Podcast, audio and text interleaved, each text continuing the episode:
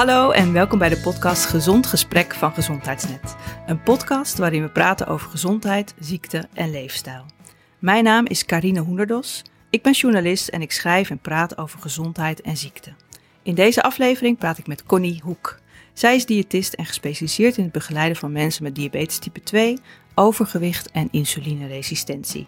In deze podcast gaat ze je precies vertellen wat het metabool syndroom is en hoe voeding je kan helpen om gewicht te verliezen, je bloedsuikers te verbeteren en je gezondheid te verbeteren. En ze gaat ook vertellen hoe je dat dan precies moet doen. En ook hoe je kunt zorgen dat het blijvend effect heeft. Zo, ik zet meteen de lat lekker hoog. Welkom Connie, fijn dat je er bent. Uh, voor de luisteraars, ik ben in dit gesprek de podcast-host, maar ik weet ook best wel iets van dit onderwerp, uh, want ik heb samen met uh, internist Hanno Peil het boek geschreven, Diabetes type 2, Maak jezelf beter, waarin voeding natuurlijk ook een groot onderdeel is. Maar goed, ik ben journalist en Connie is, is diëtist en heeft nog een eigen praktijk en je ziet echt elke dag mensen, je behandelt echt elke dag mensen, dus jij bent echt van de praktijk. En nou ja, dat doe je ook zo goed dat je er laatst zelfs een koninklijke onderscheiding voor hebt gekregen. Daar komen we vast nog eens op terug uh, in dit gesprek. Uh, Connie, voordat we uh, echt de diepte ingaan, kun je iets meer over jezelf vertellen?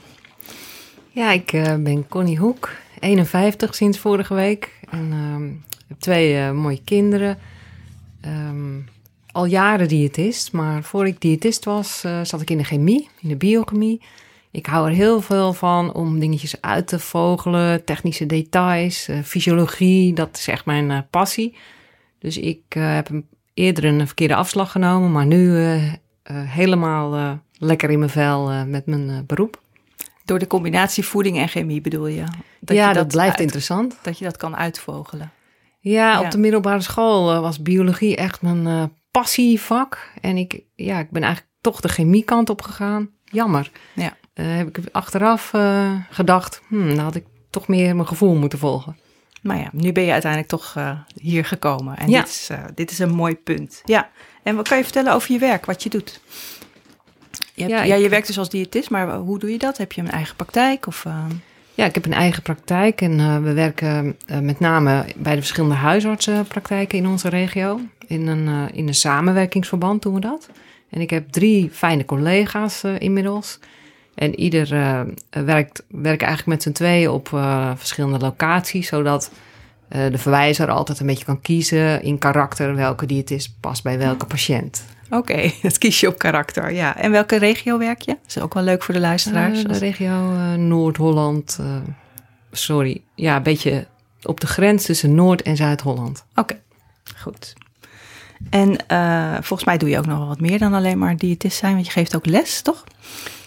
Ik geef les bij de Academie voor Leefstijl en Gezondheid. En ik uh, mag voor Voeding Leeft heel vaak uh, dingen doen. Uh, bijvoorbeeld ook de praktijkondersteuner, bijscholing.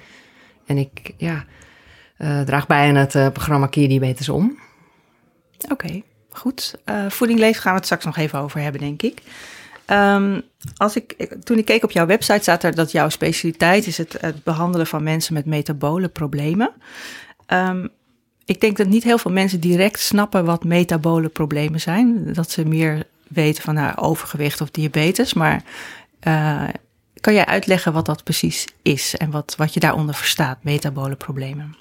Ja, ik, uh, dat kan ik zeker proberen. Ik uh, denk altijd als je iets in je mond stopt, dan gaat dat voedsel een hele weg afleggen in je lichaam. En als, dat, als je gezond bent en jong en, en actief, dan loopt dat, verloopt dat proces eigenlijk via rechte lijntjes. En metabole ontregeling is eigenlijk dat het een soort uh, bolletje wol wordt. Er komt een beetje een kluwen.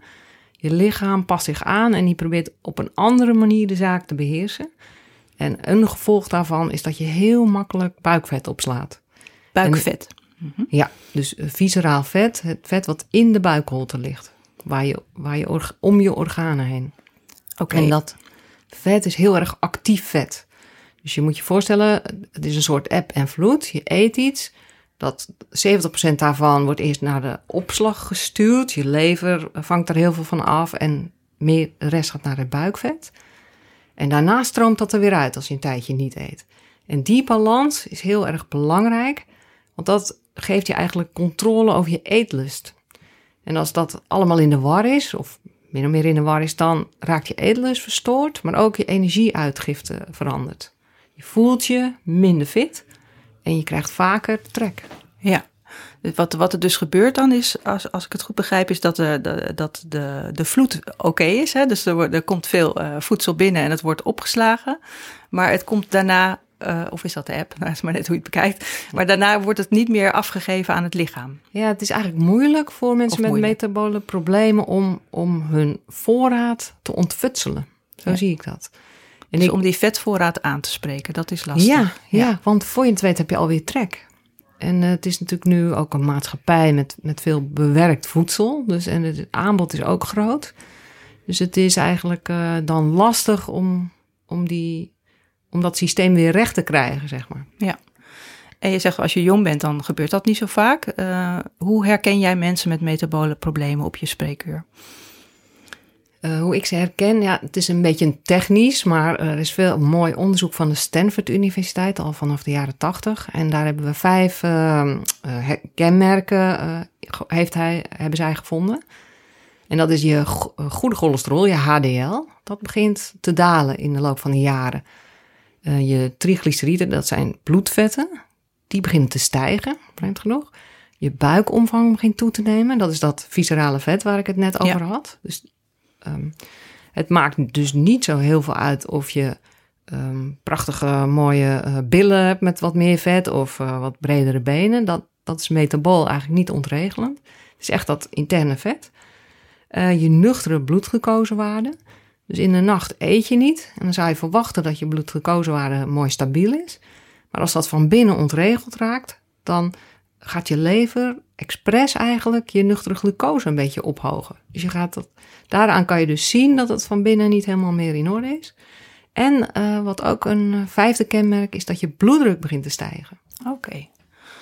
Nou, het vervelende van dit rijtje, als ik het zo hoor, is dat het allemaal dingen zijn die, eh, die je niet voelt, behalve dan dat buikvet. Dat, dat, dat, dat zie je wel, dat je, dat je buikje toeneemt.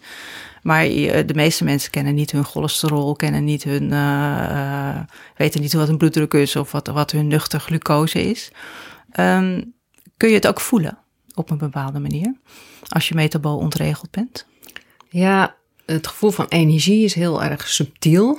Want ehm, dat, dat merk ik ook wel eens in de praktijk. Ik had bijvoorbeeld een meneer en die eh, had een enorm hoge gemiddelde bloedsuiker. En eh, we zijn een jaar samen in gesprek geweest. En hij heeft echt van zijn buikomvang, ik geloof dat hij wel 30 kilo is kwijtgeraakt. En toen vroeg ik aan hem, ehm, je zou denken dat je nu meer energie hebt. Hè? Er is heel veel energie in omloop gekomen vanuit je buikvet.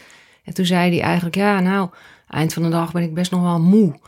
Maar zijn vrouw was erbij en die begon te lachen. En die zei, ja man, je hebt drie jaar in die stoel gezeten. Er zat een hele kuil in. En nu heb je besloten de schil eraf te zeggen, dat je het zelf ging doen. Je hebt de zolder opgeruimd. Je, hebt, je, je bent in de weer met je kleinkinderen. Je het gek dat je vermoeid bent? Ja. Dus hij ervaarde dat zelf heel anders. En Ja. Hij was veel actiever geworden maar- en, Ja. daarom, en hij was gewoon echt moe. In plaats van eh, moe door niks te doen. Ja, Omdat hij geen energie meer had. ja hij had zoveel eh, uitgifte van dat vet. Dat geeft gewoon een steuntje in de rug. Dan voel je je fit. Ja, oké. Goed, dus eh, vermoeidheid is dus, is, zou een, een aanwijzing kunnen zijn dat je last hebt van het metabolsyndroom. Ja, maar toch lastig te interpreteren. Ja. Want mensen hebben vaak het idee van... ja, nou ja, ik heb het druk en ik word wat ouder. Ja. Hè, zo is de mens ook dat je je weer aanpast aan de situatie waarin Ja. je zit. Ja, en dat doet je lichaam ook, maar eigenlijk dus niet op de goede manier dan. Want jij zegt dat buikvet, dat is zo'n heel actieve manier van, eh, of een heel actief vetweefsel. Wat doet dat precies? Ja, het lijkt wel een soort orgaan op zichzelf te worden. Dus je, je, je zou je voor kunnen stellen, je vetcellen zijn een soort ballonnen.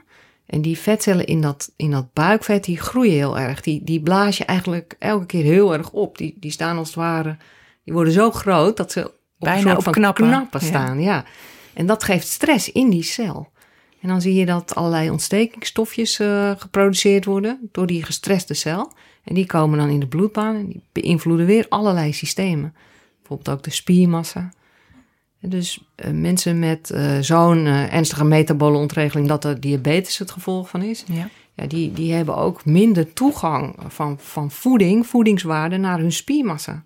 Zijn ook gevoelig voor blessures, merk ik in de praktijk. Oh. Dus zomaar roepen tegen die mensen, je moet eh, maar eens wat meer gaan sporten. Dat, dat is, nou, maak, maak ik me zorgen over. Ja. eh, dat dat blessuregevoeligheid... eh Ja, want je noemde net al diabetes. Dat is dus een gevolg van als je metabool ontregeld kan zijn, kan het een gevolg zijn dat je diabetes krijgt. Maar jij zegt er is een heel scala aan aandoeningen wat je kunt krijgen.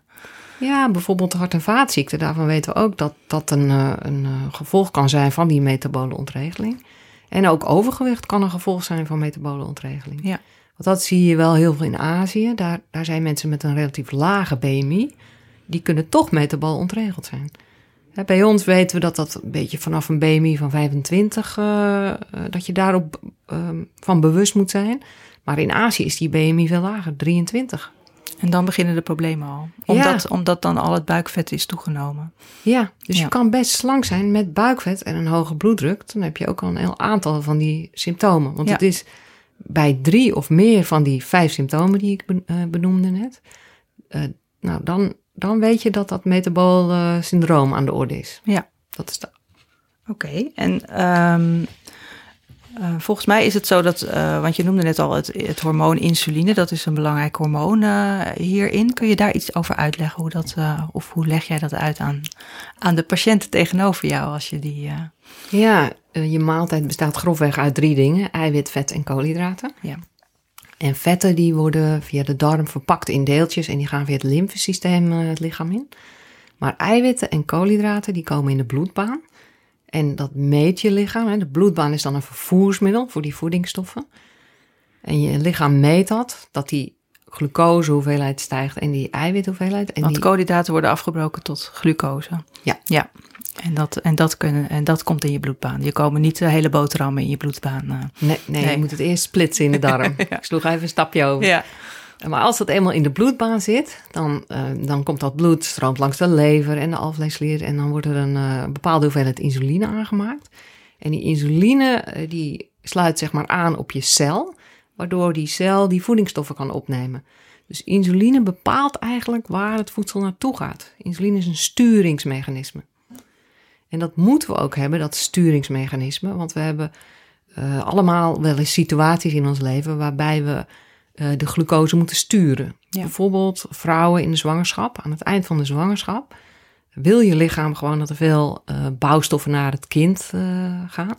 En dan zie je dat vrouwen zelf insulineresistent raken, bijvoorbeeld op de spiermassa. Dus zwangere vrouwen, tenminste ik had dat zelf heel erg. En het laatste deel van mijn zwangerschap eh, hing ik vooral op de bank en had ik niet zoveel zin meer om te gaan hardlopen. Ah. En dat was goed, want daardoor kon mijn kind heel snel groeien. Ja, ja, ja. Oké, dus de, de, als zou je, als zou je gaan, gaan bewegen, er was gewoon weinig eh, energie dan naar je spieren gegaan, waardoor het heel moeilijk zou gaan of waardoor je er heel snel moe van zou worden. En Ja, ik ging Ja. vanzelf meer Ja. rusten. ja, het Dus gaat ja. gewoon vanzelf. Ja, Ah, dit moet, want anders groeit je kind niet eh, voldoende. nee. En als je nou metabool ontregeld bent, wat gebeurt er dan met dat systeem? Waar gaat dan de energie naartoe? Ja, dan eh, stuurt je lichaam het eigenlijk van de lever en de spiermassa af. Ja, Maar die viscerale vetcel, die blijft relatief gevoelig voor die insuline. Dus je ziet het verschuiven. Hè, Als ik eh, twee boterhammen eet, dan word ik daar fit van. Maar als iemand die metabool ontregeld twee boterhammen eet, dan wordt hij daar met name eh, dikker van in het buikvet. eh, en die krijgt eerder weer trek. oké. En dat komt dus omdat die energie uit die, uit die koolhydraten, uit die boterham, eigenlijk direct worden naar dat buikvet worden getransporteerd. De insuline zorgt ervoor dat dat snel naar die eh, naar Ja. de buikcellen gaat. Een fenomeen van metabool syndroom is dat je een geforceerde vetopslag eh, meemaakt. Ja. Dus die, dat koekje of die boterhammen doen iets heel anders voor mij. Ik word daar fitter van dan voor mensen met metabool syndroom. Ja. Is dat ook de uitdrukking van ik word al dik als ik een glas water drink, wat sommige mensen hebben? Ja, ik denk dat dat ook heel veel met het yo-yo-effect te maken kan hebben. Ja. Dus als je een tijdje een dieet volgt, en dat- dat, dit weten we gewoon vanuit de wetenschappelijke literatuur. Je stel je volgt een 1000 calorieën dieet, je houdt dat een week vol en hulde voor je discipline, want ik zelf heb die discipline niet zo. Maar ik ken dus mensen die dat echt weken vol kunnen houden. Elke week dat je dat volhoudt, merk je lichaam, hé, hey, er komt wel erg weinig energie. En dan vertraagt die je stofwisseling met 10 tot 15 procent. Dus na acht weken val je niet meer af. Maar heb je wel zo'n vertraagde stofwisseling dat je toe kan met veel minder. Ja. Ja. Want spiermassa is enorm duur in onderhoud. Dus waarom zou je dat behouden als lichaam als er, als er chronisch te weinig energie in komt? Ja. Ja. Dus je, ja, je ziet met dat yo-yo-effect dat mensen daarna gewoon weer aankomen en altijd ietsje meer dan ze zijn afgevallen. Omdat, ze, omdat hun lichaam ietsje minder nodig heeft dan wat ze vroeger aten. Ja. Oké. Ehm, goed, als nou iemand bij jou in de praktijk komt en die zegt, ehm, nou, ik denk, of de, de huisarts heeft gestuurd, ik denk dat ik eh, metabool ont, eh, ontregeld ben. Eh, ik denk niet dat mensen die term gebruiken. Ze zullen zeggen, ik heb overgewicht of ik heb diabetes of eh, ik heb een ho- eh, hoog cholesterol. Connie, help me. Wat ga je dan doen? Ja, inderdaad. Ze komen nooit met eh metabool syndroom. Nee. maar ik denk dat dat als zorgverlener wel een mooie visie is om het wat breder te bekijken. Ja. Zij Want jij zegt eigenlijk, dit is, dit is de achterliggende oorzaak voor al die problemen. Dat die metabole ontregeling is de basis. Ja, en ik denk ook dat je interventie dus op al die vijf markers die ik noemde een positief effect moet hebben. Ja. Dus als ik een mager dieet voor zou schrijven, en mager is minder vet, dus altijd wat koolhydraatrijker, dan zie ik dat het HDL verder daalt en dat de triglyceriden toenemen. En dat het gewicht niet zozeer van de buikregio afgaat, maar van de eh, vooral kilo's. Dus dan denk ik als diëtist, hmm, doe ik hier goed? Want dan zou ik dus spiermassa eh, af eh, laten nemen, dat ik te weinig calorieën adviseer. Ja. Dus ik zeg altijd tegen mensen, om op je vraag terug te komen, eh, niet minder gaan eten, maar probeer het anders te doen. En daarin, ik, ik vraag altijd, wat eet je nu? En dan probeer ik een zo klein mogelijke aanpassing te doen, waarvan ik denk, hmm, dan komt er metabool een betere inregeling. Gaan ze vanzelf ietsje van hun buikvet verliezen. En eh, ja, zo'n klein mogelijke aanpassing. Ja. En kun je daar een voorbeeld van geven? Ja, ik probeer heel erg aan te sluiten bij de patiënt. Dus als ik iemand aan mijn bureau krijg die zes boterhammen eet, dan, ehm, dan vraag ik: ehm, zou je een, eh, een koolhydraatbeperking willen overwegen? Kunnen we terug naar een andere kwaliteit brood? Ik hou altijd heel veel van dat rogge brood met die grote korrels erin, waar, eh, waar je lekker op moet kauwen. Dus ik probeer een kwaliteitsslag te maken, maar, maar ik probeer ze van die zes boterhammen misschien ook wel drie te ontfutselen. Want dan heb ik 50% minder koolhydraten binnen bij die patiënt. Ja. En wat is nou precies, wa- waarom werkt dat zo goed om die koolhydraten te beperken? Nou, waar we het net over hadden, je eet iets, dat wordt in de darmen gesplitst en de maag. En dan komt dat in de bloedbaan. En het bloed moet je zien als een soort vervoersmiddel. En daarna moet het de cel in. Dus voor die, voor om het in die cel te krijgen is insuline nodig. En voor die koolhydraten is relatief veel insuline nodig. Ook voor eiwitten maar minder. En wat we de laatste tijd heel erg zien in ons voedingspatroon vanaf de jaren 80 hebben we eh, hulp van de industrie. Die bewerken onze koolhydraten eigenlijk al een beetje voor. Waardoor je je lichaam er eigenlijk minder moeite in hoeft te steken. En dat zie je ook terug. Die glucose komt razendsnel die bloedbaan in. En dat, eh, daarvan schrikt je alvleesklier. En die maakt dan voor de zekerheid maar even vier keer meer aan insuline. Ja. Want dat is je doel van, het doel van je lichaam is om die, om die glucosestijgingen en dalingen altijd binnen een bepaalde marge te houden. Dus we weten dat ik ben gezond, ik heb geen diabetes. Als ik vier appelgebakjes op zou eten, dan ben ik één natuurlijk wel misselijk. Maar twee, het komt eigenlijk nooit boven de 7,8 mijn glucose. Want mijn lichaam maakt gewoon wat meer van die insuline. Ja. Dus ik dat steeds blijf herhalen, want ik prikkel die alvleesklier dan als een gek. Ik schop hem als het ware. Als ik dat steeds blijf doen, negen keer per dag, want dat is wat we volgens de voedel, voedselconsumptiepeiling nu eten. Negen hapjes en calorierijke drankjes. Terwijl we dat in de jaren tachtig maar drie keer per dag deden. Ja, dat is een overbelasting van een metabole systeem. Ja, oké. Dus je zegt minder koolhydraten. Je zegt ook, ik minder vaak eten. Zal je zeggen tegen je patiënt? Ja, want eh, rust tussen de maaltijden, maar vooral een lange nachtelijke rustperiode. eh, dat denk ik dat eh, je nodig hebt om dat, om dat systeem in balans te krijgen. Ja. Dus de hele dag grazen, dat is meer voor koeien eigenlijk. Ja. Die hebben ook heel veel magen. En, Ja. ja. ja. Wij zijn meer van het leeuwtype of tijger. Ah. Eén keer per drie dagen. Nou, ik overdrijf. maar, en dan rustig onder een boom gaan liggen. En verteren. En dan uh, pas als je echt honger krijgt, weer opnieuw uh, gaan eten. Maar dat is best grappig in de dierenwereld. Die leeuw die gaat echt niet jagen met een volle maag. Die leeuw die wacht drie dagen totdat hij eigenlijk weer helemaal alles verteerd heeft. En dan gaat hij jagen. Ja. Dus dan gaat hij extreem sporten. En hoe is dat bij, bij de mens nu? Uh, bij de mensen is het nu dat je altijd iets moet eten. Dat, dat hoor ik zo vaak als advies. Ga nou eerst iets eten en dan ga je sporten. Als je dus eerst iets gaat eten, zet je je hele systeem in de opruimstand. En als je dan gaat sporten, dan verbruik je je voedsel. En je probeert nou juist uh, je visceraal, je buikvet uh, aan te spreken. Dus daar moet je systeem eigenlijk helemaal tot rust gekomen zijn. In de loop van de nacht moet die insulinespiegel helemaal gedaald zijn. Je eet immers niet. Mm -hmm. En als je dan gaat bewegen, dan heb je een kans om je buikvet te laten uitstromen. Ja. ja. Dus um, ik ga bijvoorbeeld s ochtends heel vaak, uh, sta ik op, ga ik naar de duinen, ga ik daar wandelen en dan ga ik pas ontbijten. Dat is een goede gewoonte. Nou ben jij niet metabool ontregeld. Nee. uh, dus dan kan je nog een heleboel maken. Hè? Uh, dus ben je actief, dan, dan weet ik niet of dat allemaal zo belangrijk is. Maar om mijn patiënten een kans te geven, denk ik dat dat wel een hele verstandige tactiek is. Ja, oké. Okay. En ik uh, bespreek dit altijd uh, na en voor en tussentijds met Peter Vossel, medisch fysioloog. Ja. Zodat ik geen onzin uitkraam. Ja. En um, dus, nou oké, okay, je zegt tegen die patiënt: ga zorgen voor iets minder koolhydraten. Als je koolhydraten eet, een betere kwaliteit. Hè? Dus in plaats van zo'n fluffy bruin brood, stel ik me dan voor uit de supermarkt. een stevig brood waar je echt op moet kouwen. Waar je echt eventjes wat langer duurt om te verteren. Minder vaak eten. Wat zeg je nog meer? Ja, ik, wat ik zeg hangt heel erg af van hoe iemand aan mijn bureau verschijnt. Ja. He, ik heb bijvoorbeeld een meneer die, uh, uh, die heeft mij uh, dat lintje, voor mij dat lintje aangevraagd. Ja. Hij ehm, woog De koninklijke onderscheiding bedoel je? Ja. ja. Mm -hmm. hij woog 150 kilo en het is echt iemand zoals ik hem nu ken met, met, met doorzettingsvermogen en ook hij, hij is echt gedreven om het goed te doen. Hij heeft 21 jaar insuline gespoten. En ook met de beste intenties is dat steeds opgehoogd. He, want zijn waarden waren helemaal niet verkeerd. Zijn uh, gemiddelde bloedsuikerwaarde en zijn nuchtere waarde. Maar hij werd wel elk jaar ietsje zwaarder. En dan had hij eigenlijk behoorlijk de pest over in. Ja.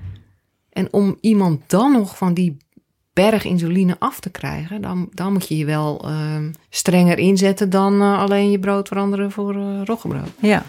Wat doe je dan met zo'n meneer van 150 kilo die al heel lang insuline ja. spuit? Wat eigenlijk natuurlijk een tegen uh, eigenlijk een, een, raar advies is om iemand die niet gevoelig is voor insuline, om die insuline toe te dienen. Ja, dat, dat vind ik ook altijd een beetje een lastig, uh, lastig aanpak. Je hebt natuurlijk mensen met type 1 diabetes, die hebben echt insuline van buitenaf nodig. En je hebt mensen die verminderde alvleesklierwerking hebben, die hebben ook insuline of stimulatie van buitenaf nodig. Maar die andere enorme groep, 90% van de mensen met diabetes, die zitten in die andere groep. Die, die maken hebben, wel insuline aan? Ja, die ja. maken misschien wel vier keer meer insuline dan ik voor hetzelfde boterhammetje met kaas. En daar ga je nog bij spuiten. Ja, ja dan raakt iemand uit balans. En zeker als dat een insulinevariant is die 24 uur per dag werkt. Want die gebruiken we met name. Ja. Dan blijft continu die insuline hoog, waardoor continu ook weer dat vetweefsel wordt... Uh, opgebouwd. Opgebouwd, ja. Maar, maar sterker, denk belangrijker, je krijgt nooit meer de gelegenheid om het af te bouwen. Ja. En dan denk je, oh, ik heb geen discipline en ik ben een bourgondier en ik hou nou eenmaal van lekker eten. Maar je beseft je niet dat je van binnenuit gestuurd wordt Ja. door dat hormoon. Ik vind dat wel echt sneu. Ja, ja. En die meneer van 150 kilo, wat, wat heeft hij dan gedaan? Behalve een lintje aanvragen voor jou. Ja, ja. ja ik, ik denk daar hebben we in die praktijk hebben we echt een hele fijne samenwerking met de huisarts en de praktijkondersteuner. En ook uh, Hanno Peil heeft hierin meegedacht. Uh, daarin hebben we, bij hem hebben we een uh, 24 uur glucosesensor aangebracht. Zodat we echt konden zien wat er gebeurde.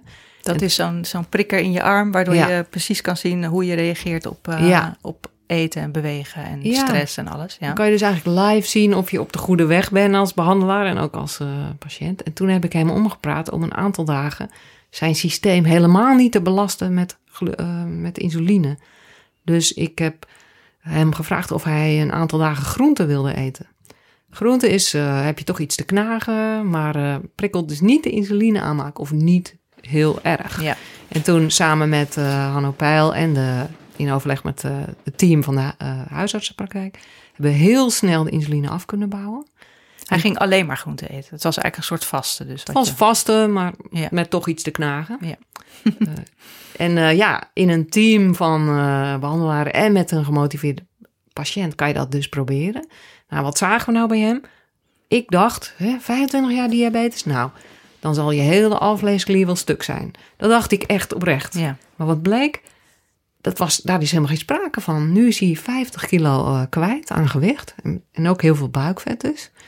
En hij heeft geen enkele tablet meer nodig. Voor, en hij spuit dus ook al lang geen insuline meer. nee, na drie dagen is hij gestopt. Oh ja. Maar dat, dat kon dus in overleg met elkaar allemaal. En mensen die nu luisteren en die diabetes type 2 hebben en die insuline spuiten, wat kunnen die, naar die, kunnen die hetzelfde resultaat bereiken als die meneer?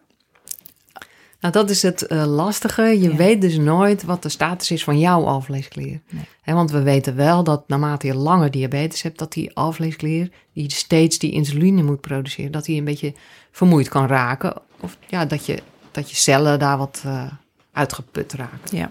ja, maar hij was dus al 25 jaar, had hij diabetes type 2 en eh, toch lukte die, die alvleesklier nog om eh, te herstellen. Ja, want dat buikvet waar ik het steeds over heb, Ja. dat interne vet, dat kan ook om die, en, om die alvleesklier heen liggen. Dat kan in die alvleesklier verweven zitten. Dat, en als je dat op begint te maken, nou, dan raakt die echt weer opgefrist. Ja. En ik zal niet zeggen dat deze meneer eh, nu eh, drie appelgebak kan nemen en eh, mag verwachten dat er dan geen piek komt. Ik, ik denk wel dat er een piek komt. Maar voor hem, dat vertelde hij me van de week nog, voor hem is het geen enkel probleem om zo te eten zoals hij nu eet. Ja, even voor de goede orde. Hij is niet 50 kilo afgevallen door alleen maar groente te eten. Nee, Nee. nee, nee, nee. Wat eet hij dan wel? Ja, hij voegt aan zijn groenten. Hij heeft wel de basis van, eh, van, van groenten. Hij voegt hij een eitje toe, voegt hij een... eh, ja, even denken, want we hebben het gisteren nog besproken. Hij eet bijvoorbeeld eh, wat brood erbij met wat minder koolhydraten. Dat heeft veel plantaardig eiwit, veel onverzadigde vetten. Dus daar geniet hij wel van. Hij eet hier en daar wat crackertjes. Hij maakt wat notenmuesli. Hij eet zijn volle yoghurt. Hij, ja, hij varieert met vlees, vis, gevogelte, noten. Eigenlijk de basis voedingswaarde dichte spullen. Puur en onbewerkt. Ja. Kom je daar uiteindelijk altijd op terug? Op dat soort producten? ja, eigenlijk altijd. Ja. Ja. Dus ik maak het soms heel ingewikkeld met al mijn eh, fysiologische praatjes, maar de basis is super simpel. Eh, weinig bewerkt. Ja. En daar zit ook de voedingswaarde in. Ik eh, kwam van school en toen dacht ik, ehm, ik had geleerd natuurlijk, de schijf van vijf is een, een berekening van hoe je dat zou kunnen doen. Die is overigens gemaakt voor gezonde mensen, als ik het eh, goed heb begrepen. Ik dacht, laat ik dat eens narekenen. Dus ik was eh, lang- bij de bakker langs gegaan en eh, had ik gevraagd: wat is nou je verkoop aan brood? Hoeveel volkorenbrood verkoop je per week? Hoeveel wit, witte bolletjes? Hoeveel kaasstengels? En die, daar heb ik allemaal een soort berekening van gemaakt. En dan per 100 Dit is hoe ik. Connie ken, mensen. Zij gaat altijd alles berekenen. Ja. Ja, enig. Ik heb er wel Ja. een weekje voor uit eh, moeten trekken. Ja. Op vakantie moet je toch iets te doen hebben? ja, en wat, wat bleek daaruit? Uit dat Nou ja, onderzoek? dus per 100 calorieën bekeken. Nou, dan moet je dus 100 calorieën groente, betekent een pond groente. Ja. Hè, maar 100 calorieën noten, dat is een heel klein handje. Dus eh, het is wel, eh, mijn eh, insteek is per eh, 100 calorieën. Dan zie je dat groenten echt de meeste voedingswaarde hebben. En ik heb dan gekeken naar bijvoorbeeld zink en selenium. En dat heb ik dan vergeleken met wat heeft een mens nodig. Nou, groente staat ver boven alles. Prachtige vezels zitten erin. Mineralen, kalium. En dan komt vlees, vis, gevogelte. Al vrij snel erachteraan. Eh eieren, eh, noten, fruit. En dan een tijdje niet. En dan nog eh, volle zuivelproducten. En dan weer een hele tijd niets. En dan hebben we ons gemiddelde brood.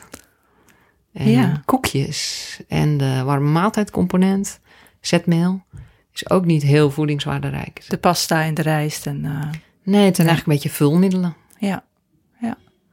Ik was ooit in Japan en toen kregen we een hele maaltijd met van alles en nog wat uh, vis en groenten en noem maar op. En helemaal op het laatst kregen we een schaaltje met rijst. En dat was om je nog helemaal, om je nog te verzadigen, zeg maar. Maar dat was dus echt het, uh, het sluitstuk van de maaltijd. Ik dacht, ja, dat is een mooie, mooie aanpak om het zo uh, te doen. En jij zegt dus eigenlijk, uh, als het gaat om producten met de hoogste voedingswaarde, die je dus zeg maar de meeste waar leveren voor hun calorieën, hè, dus per calorie leveren ze de meeste voedingsstoffen, dan moet je echt naar groenten. Dat is echt de, de topper. En dan eigenlijk alle dierlijke eiwitten en dan uh, noten en dan, wat was het nog meer? En dan, Eitje, en dan ja. ja. eieren. Ja, dan zijn er ook de dierlijke eiwitten. Fruit en dan heel lang niks. En dan pas de granen. Ehm, en dat betekent dus inderdaad, als je zo zou eten, als je, als je zou die, die piramide zou volgen, dan zou het vanzelf betekenen dat je minder koolhydraten gaat eten, toch? Dat je dan minder waarde hecht aan die boterhammen en noem maar op. Ja, dat is eigenlijk niet zo gevarieerd, hè? Al die eh, negen graanmomentjes die Ja. we nu hebben. Want, want dit is wat we doen. We eten een eh, boterhammetje, dan een koekje, dan weer een paar boterhammen, dan weer een koekje of een uh, mueslireepje. En dan eten we pasta bij de warme maaltijd en s'avonds nog een paar koekjes. Ja. Ik tel dat, ik vind dat vrij eenzijdig eigenlijk. Ja, toch is het wel ongeveer de aanbeveling nu. Ja, die aanbeveling voor gezonde mensen. Ja, En ik, ja, je, ik ben ook niet per se tegen eh, koolhydraten, want we hebben natuurlijk eh, geleerd van die eh, let op vet tijd. Daar is, ja, als je iets in je voedselinname verandert, dan gaat er iets anders ook veranderen. Ik denk niet dat het per se goed is om nu te gaan roepen, let op koolhydraten. Waar het niet dat de mensen die aan mijn bureau verschijnen echt een probleem hebben met bewerkte koolhydraten. Ja. Dus, ik probeer ze dat toch wel uit te leggen dat zij hun lichaam overbelasten daarmee. Op dit moment, nu ze al ziek zijn. En dan kunnen ze twee kanten op. Of daar kijken of we eh, iets kunnen vinden waardoor ze minder belast raken qua voedsel. Of gewoon daar tabletten voor slikken of, of insuline voor spuiten. Ja. En die keuze is aan mensen zelf. ja, ja, ja. Ehm, dat eh, die koolhydraten beperken, dat, dat, ja, daar is ook wel veel discussie over nog steeds. Hoe sta je daar tegenover? Ja, ik denk dat in de darm, in de dunne darm met name, dat daar heel veel ehm, endocrine cellen zitten, hormoonproducerende cellen. En dat ons hele systeem een soort meet- en regelsysteem is. En, eh, dus als jij koolhydraten eet die zijn voorbewerkt door de industrie, dan kom- komt daar sneller de glucose in de darm uit vrij. En laat er nou net aan het begin van de dunne darm precies die eh, cellen zitten die meten of er vrij glucose is. En die versterken de insulineproductie door de alvleesklier met wel 70%, weten wij uit onderzoek. Maar aan het eind van je dunne darm, er zitten andere hormonale cellen. En die meten ook of daar nog glucose is. Dus als je bijvoorbeeld tuinbonen eet of uh, roggenboterhammen met hele korrels erin, komen die koolhydraten naar die 6 meter dunne darm daar pas vrij. Laten die hormonen nou net je spiermassa actiever maken, je eetlust remmen, uh, van allerlei gunstige dingen doen voor ons lichaam. Ja, dus jij zegt nu eigenlijk door deze fijne, duidelijke uitleg van die discussie, die is, die is, uh, dat is, als je kijk, puur kijkt naar de fysiologie, dan is het gewoon al te verklaren waarom het werkt. Ja, dat zou Ja. ik zeggen, ja. Ja, ja. En hoe komt het dan dat er toch zoveel discussie over is? Ja, als ik dat eens wist. nou ja, ik denk dat elke zorgverlener echt het hart op de goede plek uh, heeft. Ik heb nog nooit iemand ontmoet die in de zorg zat en die een uh, commerciële visie had, bijvoorbeeld. Dus ik denk dat iedereen goed wil doen, maar dat we in een transitie zitten met elkaar. En uh, ja, dat daarin gewoon um, wat. wat moet je dat zeggen? Dat er daar wat vragen zijn waar, waar gewoon antwoorden op moeten komen. Ja. Dat zie je bijvoorbeeld ook met de NDF-richtlijn. Die, uh, NDF is de Nederlandse Diabetesfederatie. Ja, ja. zij uh, een uh, club van wetenschappers en uh, ervaringsdeskundigen die uh, de richtlijnen, voedingsadvies voor mensen met diabetes opstellen. Je ziet die in de jaren gewoon ook een beetje verschuiven. Kan je zeggen, ja, we doen dat allemaal verkeerd. Maar je kan ook zeggen, goh, we zijn met z'n allen zo flexibel dat we uh, kijken naar het uh, huidige uh, wetenschappelijke status. En we maken daar weer een nieuwe richtlijn van. Ja. Ik vind dat juist wel krachtig met elkaar. eh, Tuurlijk, ja, wetenschap eh, gaat vooruit, dus, dus eh, inzichten veranderen. Ja, Ja, En geen som- eh, zwarte pieten naar elkaar uitdelen, maar eh, met elkaar aan de slag. ja. Want jij bent nu 25 jaar diëtist, ongeveer, bijna. Ja, eh, je bent in 1994 afgestudeerd, zag ik. Ehm, en daarvoor heb je dus, eh, ja, met, met je chemische opleiding heb je natuurlijk ook al het een en ander eh, geleerd en gesnapt over fysiologie en de chemische verwerking van voedsel en alles. Ehm, vind, je, vind je er veel veranderd in, in de loop der jaren? Nou, om eerlijk te zijn, eh, was ik in 1994. Ik dacht, ik, ik ben versneld ingestroomd en ik dacht, ik maak deze opleiding toch af. Ik kon mij slecht vinden in dat calorieëntelprincipe, omdat mijn eigen ervaring was. Ik dacht, ik ga deze opleiding doen, dus ga ik eh, heel goed mijn best doen om exact zo te eten als dat wordt aanbevolen dat goed is. En dat was voor mij heel moeilijk. dus ik had daar een slechte ervaring mee. Je ging zelf de adviezen die je Ja. hoorde in de les, ging je toepassen op jezelf als Ja. eh, student. En dat waren de let op vet adviezen. Ja. De schijf van vijf was toen nog heel erg mager. Is gelukkig nu ook eh, aangepast aan de nieuwe wetenschappelijke inzichten. Maar ik kwam zelf uit een soort... eh, Ik kom uit een heel klein dorpje en eh, er was een eh, buurman... en die kwam elke twee dagen zo'n emmer met volle melk brengen. En wij dronken dus echt vet, nou ja, meer dan vette melk. Zo van onder de koe af roomboten, groffelkoren. We hadden een halve koe in de vriezer. Dus mijn moeder was heel erg van de... Nou, lekker driemaal daags. goed verzadigend. Zij was niet van let op vet. Dus toen ik die opleiding eh, voor diëtist ging doen... toen ging ik samenwonen met eh, mijn huidige man... En hij was uit een hele andere hoek, eh, de snoeperhoek. Dus, ja, ik was een beetje gaan doen wat hij ook deed. Dat ging niet helemaal goed voor mijn lichaam. Want ik heb veel diabetes in mijn, in mijn familie zitten. Ja. Dus ja, ik, ik dacht, nou, als ik dat nou doe, dan komt het allemaal wel goed met mij. Maar ik kreeg daar echt veel trek van en ook vermoeidheid. En het vet ging er niet af. Nee. En toen je dat zei tegen je docenten en medestudenten, wat gebeurde er toen? Eh, toen stuitte ik niet op begrip. Nee. Want dat Maar- was gewoon nog niet de stand van zaken in de wetenschap? Of? Nou ja, ik wijte het ook eigenlijk aan mijn eigen falen. Ik, ik eh, dacht, nou, ik heb zeker geen discipline. Dus het lukte mij drie dagen om eh, mager te eten. En al die boterhammen over de dag te verdelen. Ik dacht wel de hele dag, heb ik nog een boterhammetje in mijn tas? Heb ik nog een appeltje? Heb ik nog iets te eten? Dat vond ik al vreemd, dat het zo op, ineens bij mij op de voorgrond kwam. Ik moet erbij zeggen dat ik ook heel veel ben gaan fietsen in die tijd. Dus misschien deed ik het te rigoureus, dat weet ik niet. Ik dacht wel dat ik het berekend had. Maar ik, ik wist gewoon op de route elk bakkertje te zitten om nog wel een extra volkorenbolletje in te slaan. En dat, die obsessie, dat, dat vond ik heel onprettig. Ja. Dat, dat, ik kreeg echt last van lijngericht eetgedrag. ja. En zie je dat ook terug in je praktijk, dat mensen dat hebben? Zeker. Ja. Dat ze de hele dag denken aan eten. Ja, want als jouw lichaam geforceerd al een heel deel van jouw koekje naar de vetmassa brengt, dan krijg je weer snel trek. In nog een koekje. Ja, Ja, want koekjes zijn altijd voorradig en zo handig te bewaren. ja, ja. ja, precies. Oké, en ehm, vanaf wanneer ben jij begonnen met de adviezen die jij nu geeft aan de mensen met diabetes? Want volgens mij was jij best wel een voorloper op dit eh, terrein. Nou, het, het grappige is dat eh, jij me daarin geïnspireerd hebt. Kijk. Dus ik denk 2005 ben ik weer. Dus ik ben een tijdje uit, eh, eruit geweest met de diëtetiek. Ik, ik, na mijn stage vond ik het gewoon echt te moeilijk om wat ik zelf ervaren had niet, niet te kunnen toepassen.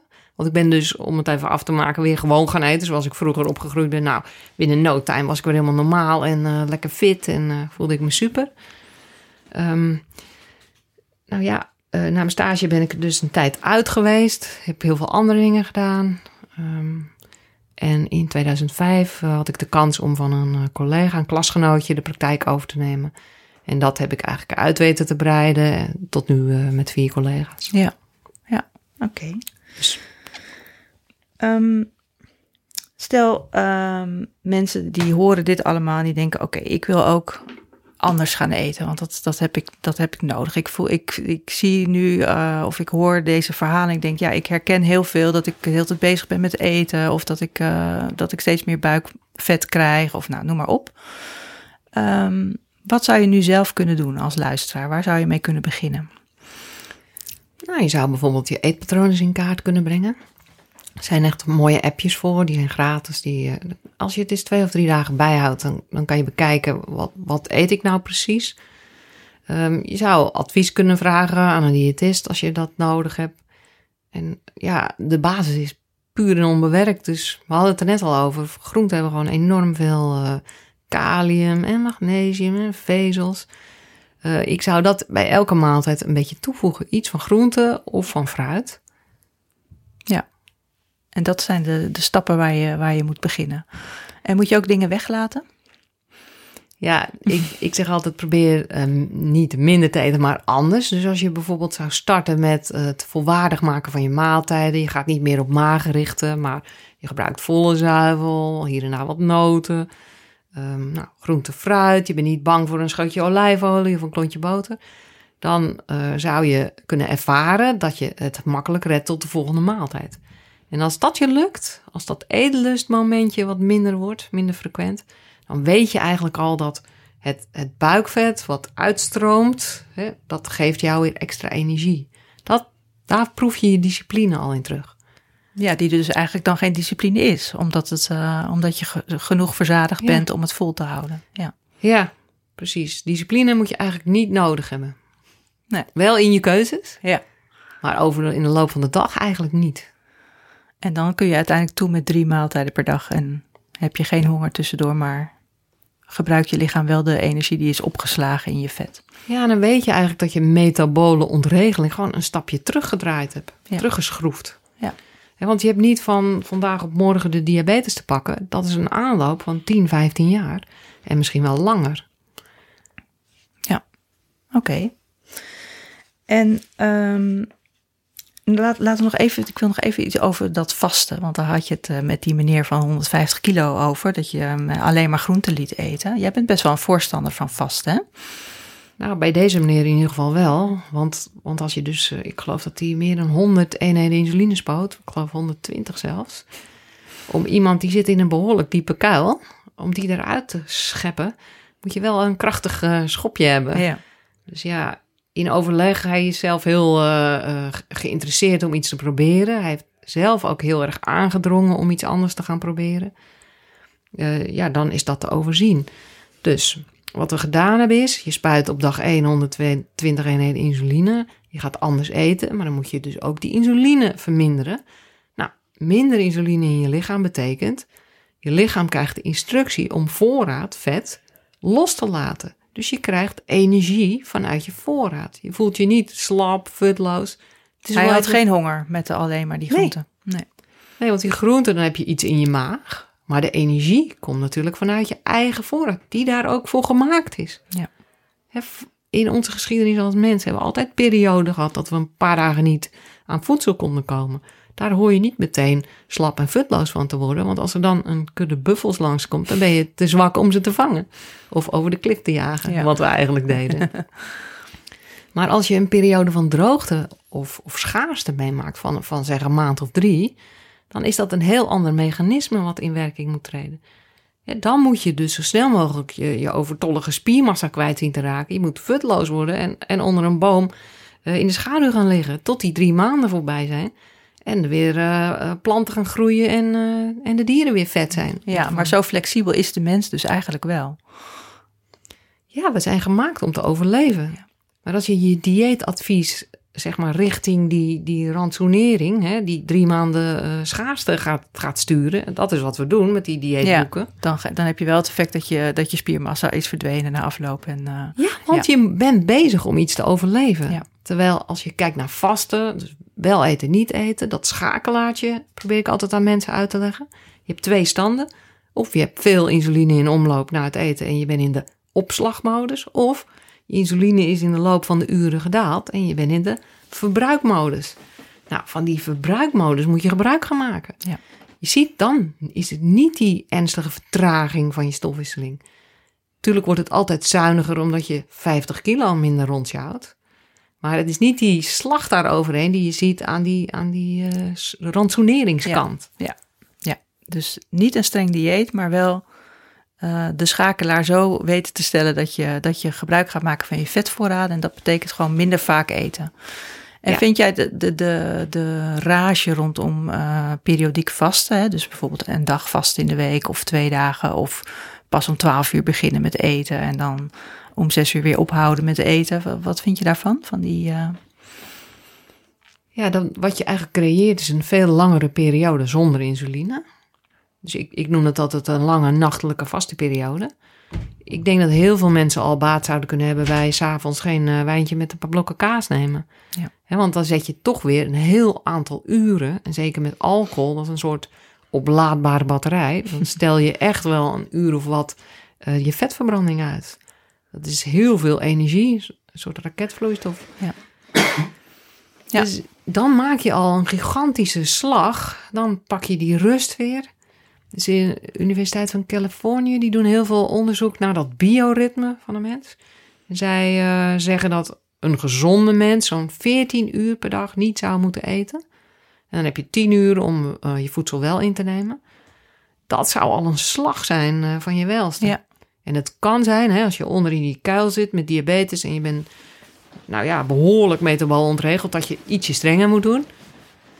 Maar ik zou eh, stemmen voor eh, terug naar de jaren 80, drie keer eten en lekker lang nachtelijk vasten. Ja, oké. Nou, dat is een heel mooi, eh, heel mooi principe. En ik denk dat heel veel mensen daar zich niet realiseren hoe, hoe vaak ze eten op een dag. En hoe eh, weinig eh, rust ze zichzelf gunnen. Of tenminste hun eh, stofwisseling gunnen. Ja, Ja, dan raak je dus uit balans. Ja. Hè, Dan raakt alles in een kluwe. ja, ja. Oké. Ehm, stel jij hebt mensen met diabetes of hart- en vaatziekten of overgewicht behandeld ehm, en zij zijn afgevallen. En dan? Is, het, is, het, is dit een manier van eten die je, ehm, die je de hele tijd moet blijven volhouden? Stel je bent, je bent koolhydraten gaan minderen omdat je diabetes type 2 hebt. Is dit iets wat je blijvend moet doen? Nou ja, ik, ik noemde net die markers van metabol syndroom aan het begin. Daaraan kan je dus zien waar je eigenlijk staat op die, op die meetlat van metabole ontregeling. En dat is helemaal niet eerlijk, maar sommige mensen worden al een beetje aan de, aan de rode kant geboren, zeg maar. Dat, dat kan in je genen zitten. Dus voor die mensen eh, is het gewoon veel moeilijker om eh, eh, al die bewerkte koolhydraten te verwerken. Dus die, die zullen zich sterker moeten inzetten dan Hè, bijvoorbeeld al mijn neefjes, die zijn lang, slank en sportief. Die kunnen veel meer hebben. Ja. En ook, dus helaas ook, meer bewerkte koolhydraten. Ja. Maar dan kan je, ja... Er zijn volkeren die hun voedselinname gewoon 60% uit eh, koolhydraten halen. En daar komt weinig diabetes voor. Ja. Maar dat zijn allemaal onbewerkte koolhydraten. Ja. Ik, ik denk wel dat het echt voor iedereen heel goed is om, om die slag te maken van bewerkt naar minder bewerkt. Precies. Dus het is niet zo, want sommige mensen eh, die, die slaan zo door en die zeggen ja, koolhydraten zijn heel slecht. Hè? Ja, wat jij al zei van let op vet, het moet niet let op koolhydraten worden, want dat is ook weer te kort door de bocht.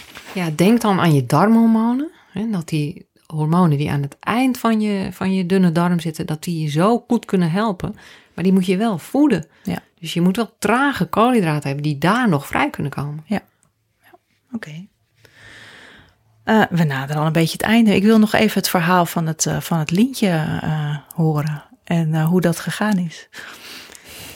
Ja, nou, ik, ik denk dat ik daar wel heel erg mee geboft heb met eh, deze meneer. Die, eh, die zei tegen mij, ja, eh, hoe- bedankt voor al je adviezen en eh, hoe kan ik je bedanken? Ik zei, nou, door dat we, dat jij, we hij moet alles doen natuurlijk, maar ik mocht hem begeleiden, dat we zoveel succes hiermee hebben, dat is al een bedankje genoeg. Maar toen achter mijn rug had hij ongeveer, nou, heel wat mensen benaderd, jou ook geloof ik, eh, met een, eh, voor een aanbevelingsbrief. En eh, zodoende is het hem toch gelukt. Ja, en wat ben je geworden? ridder in de orde van Oranje Nassau. Ja, ik heb nog nooit een ridder in de podcast gehad, volgens mij. Dus eh dat is wel fijn om... dat Zal ik mijn paard nog even binnenhalen? Ja, ja, ga je paard even halen, ja. Oké, Connie, heb, heb ik nog dingen gemist waarvan je zegt, ja, maar die wil ik echt nog even kwijt? Nou, over dat lintje nog heel even door te zagen. Ja. Ik, ik vind het eigenlijk wel een opsteker voor de diëtist. Ik, eh, ja, ik heb zelf ook gemerkt dat, eh, dat in het begin waren we toch, ik eh, toch ook een beetje geschoold in eh, caloriebeheersing en discipline hebben. En ja, nu is het mooi dat, ehm, dat je eigenlijk meer coachend kan werken en dat je iemand echt nou, tot blijdschap kan helpen. Dat vind ik mooi. Ja, oké. Nou, dat vind ik een mooi einde. Dankjewel. Je luisterde naar een eh, aflevering van eh, Gezond Gesprek. Gepresenteerd door Carine Hoenderdos en met producer Jonne Seriese. De tune is van de Yearlings. Kijk voor meer informatie over overgewicht, metaboolsyndroom, diabetes type 2 en uh, koolhydraatbeperkte eten op www.gezondheidsnet.nl. Wil je reageren op deze uitzending? Via Twitter zijn we te bereiken via Van Carine en Gezond Nieuws. Abonneer je vooral ook op iTunes en laat daar een review achter. Dan kunnen andere mensen deze podcast ook vinden.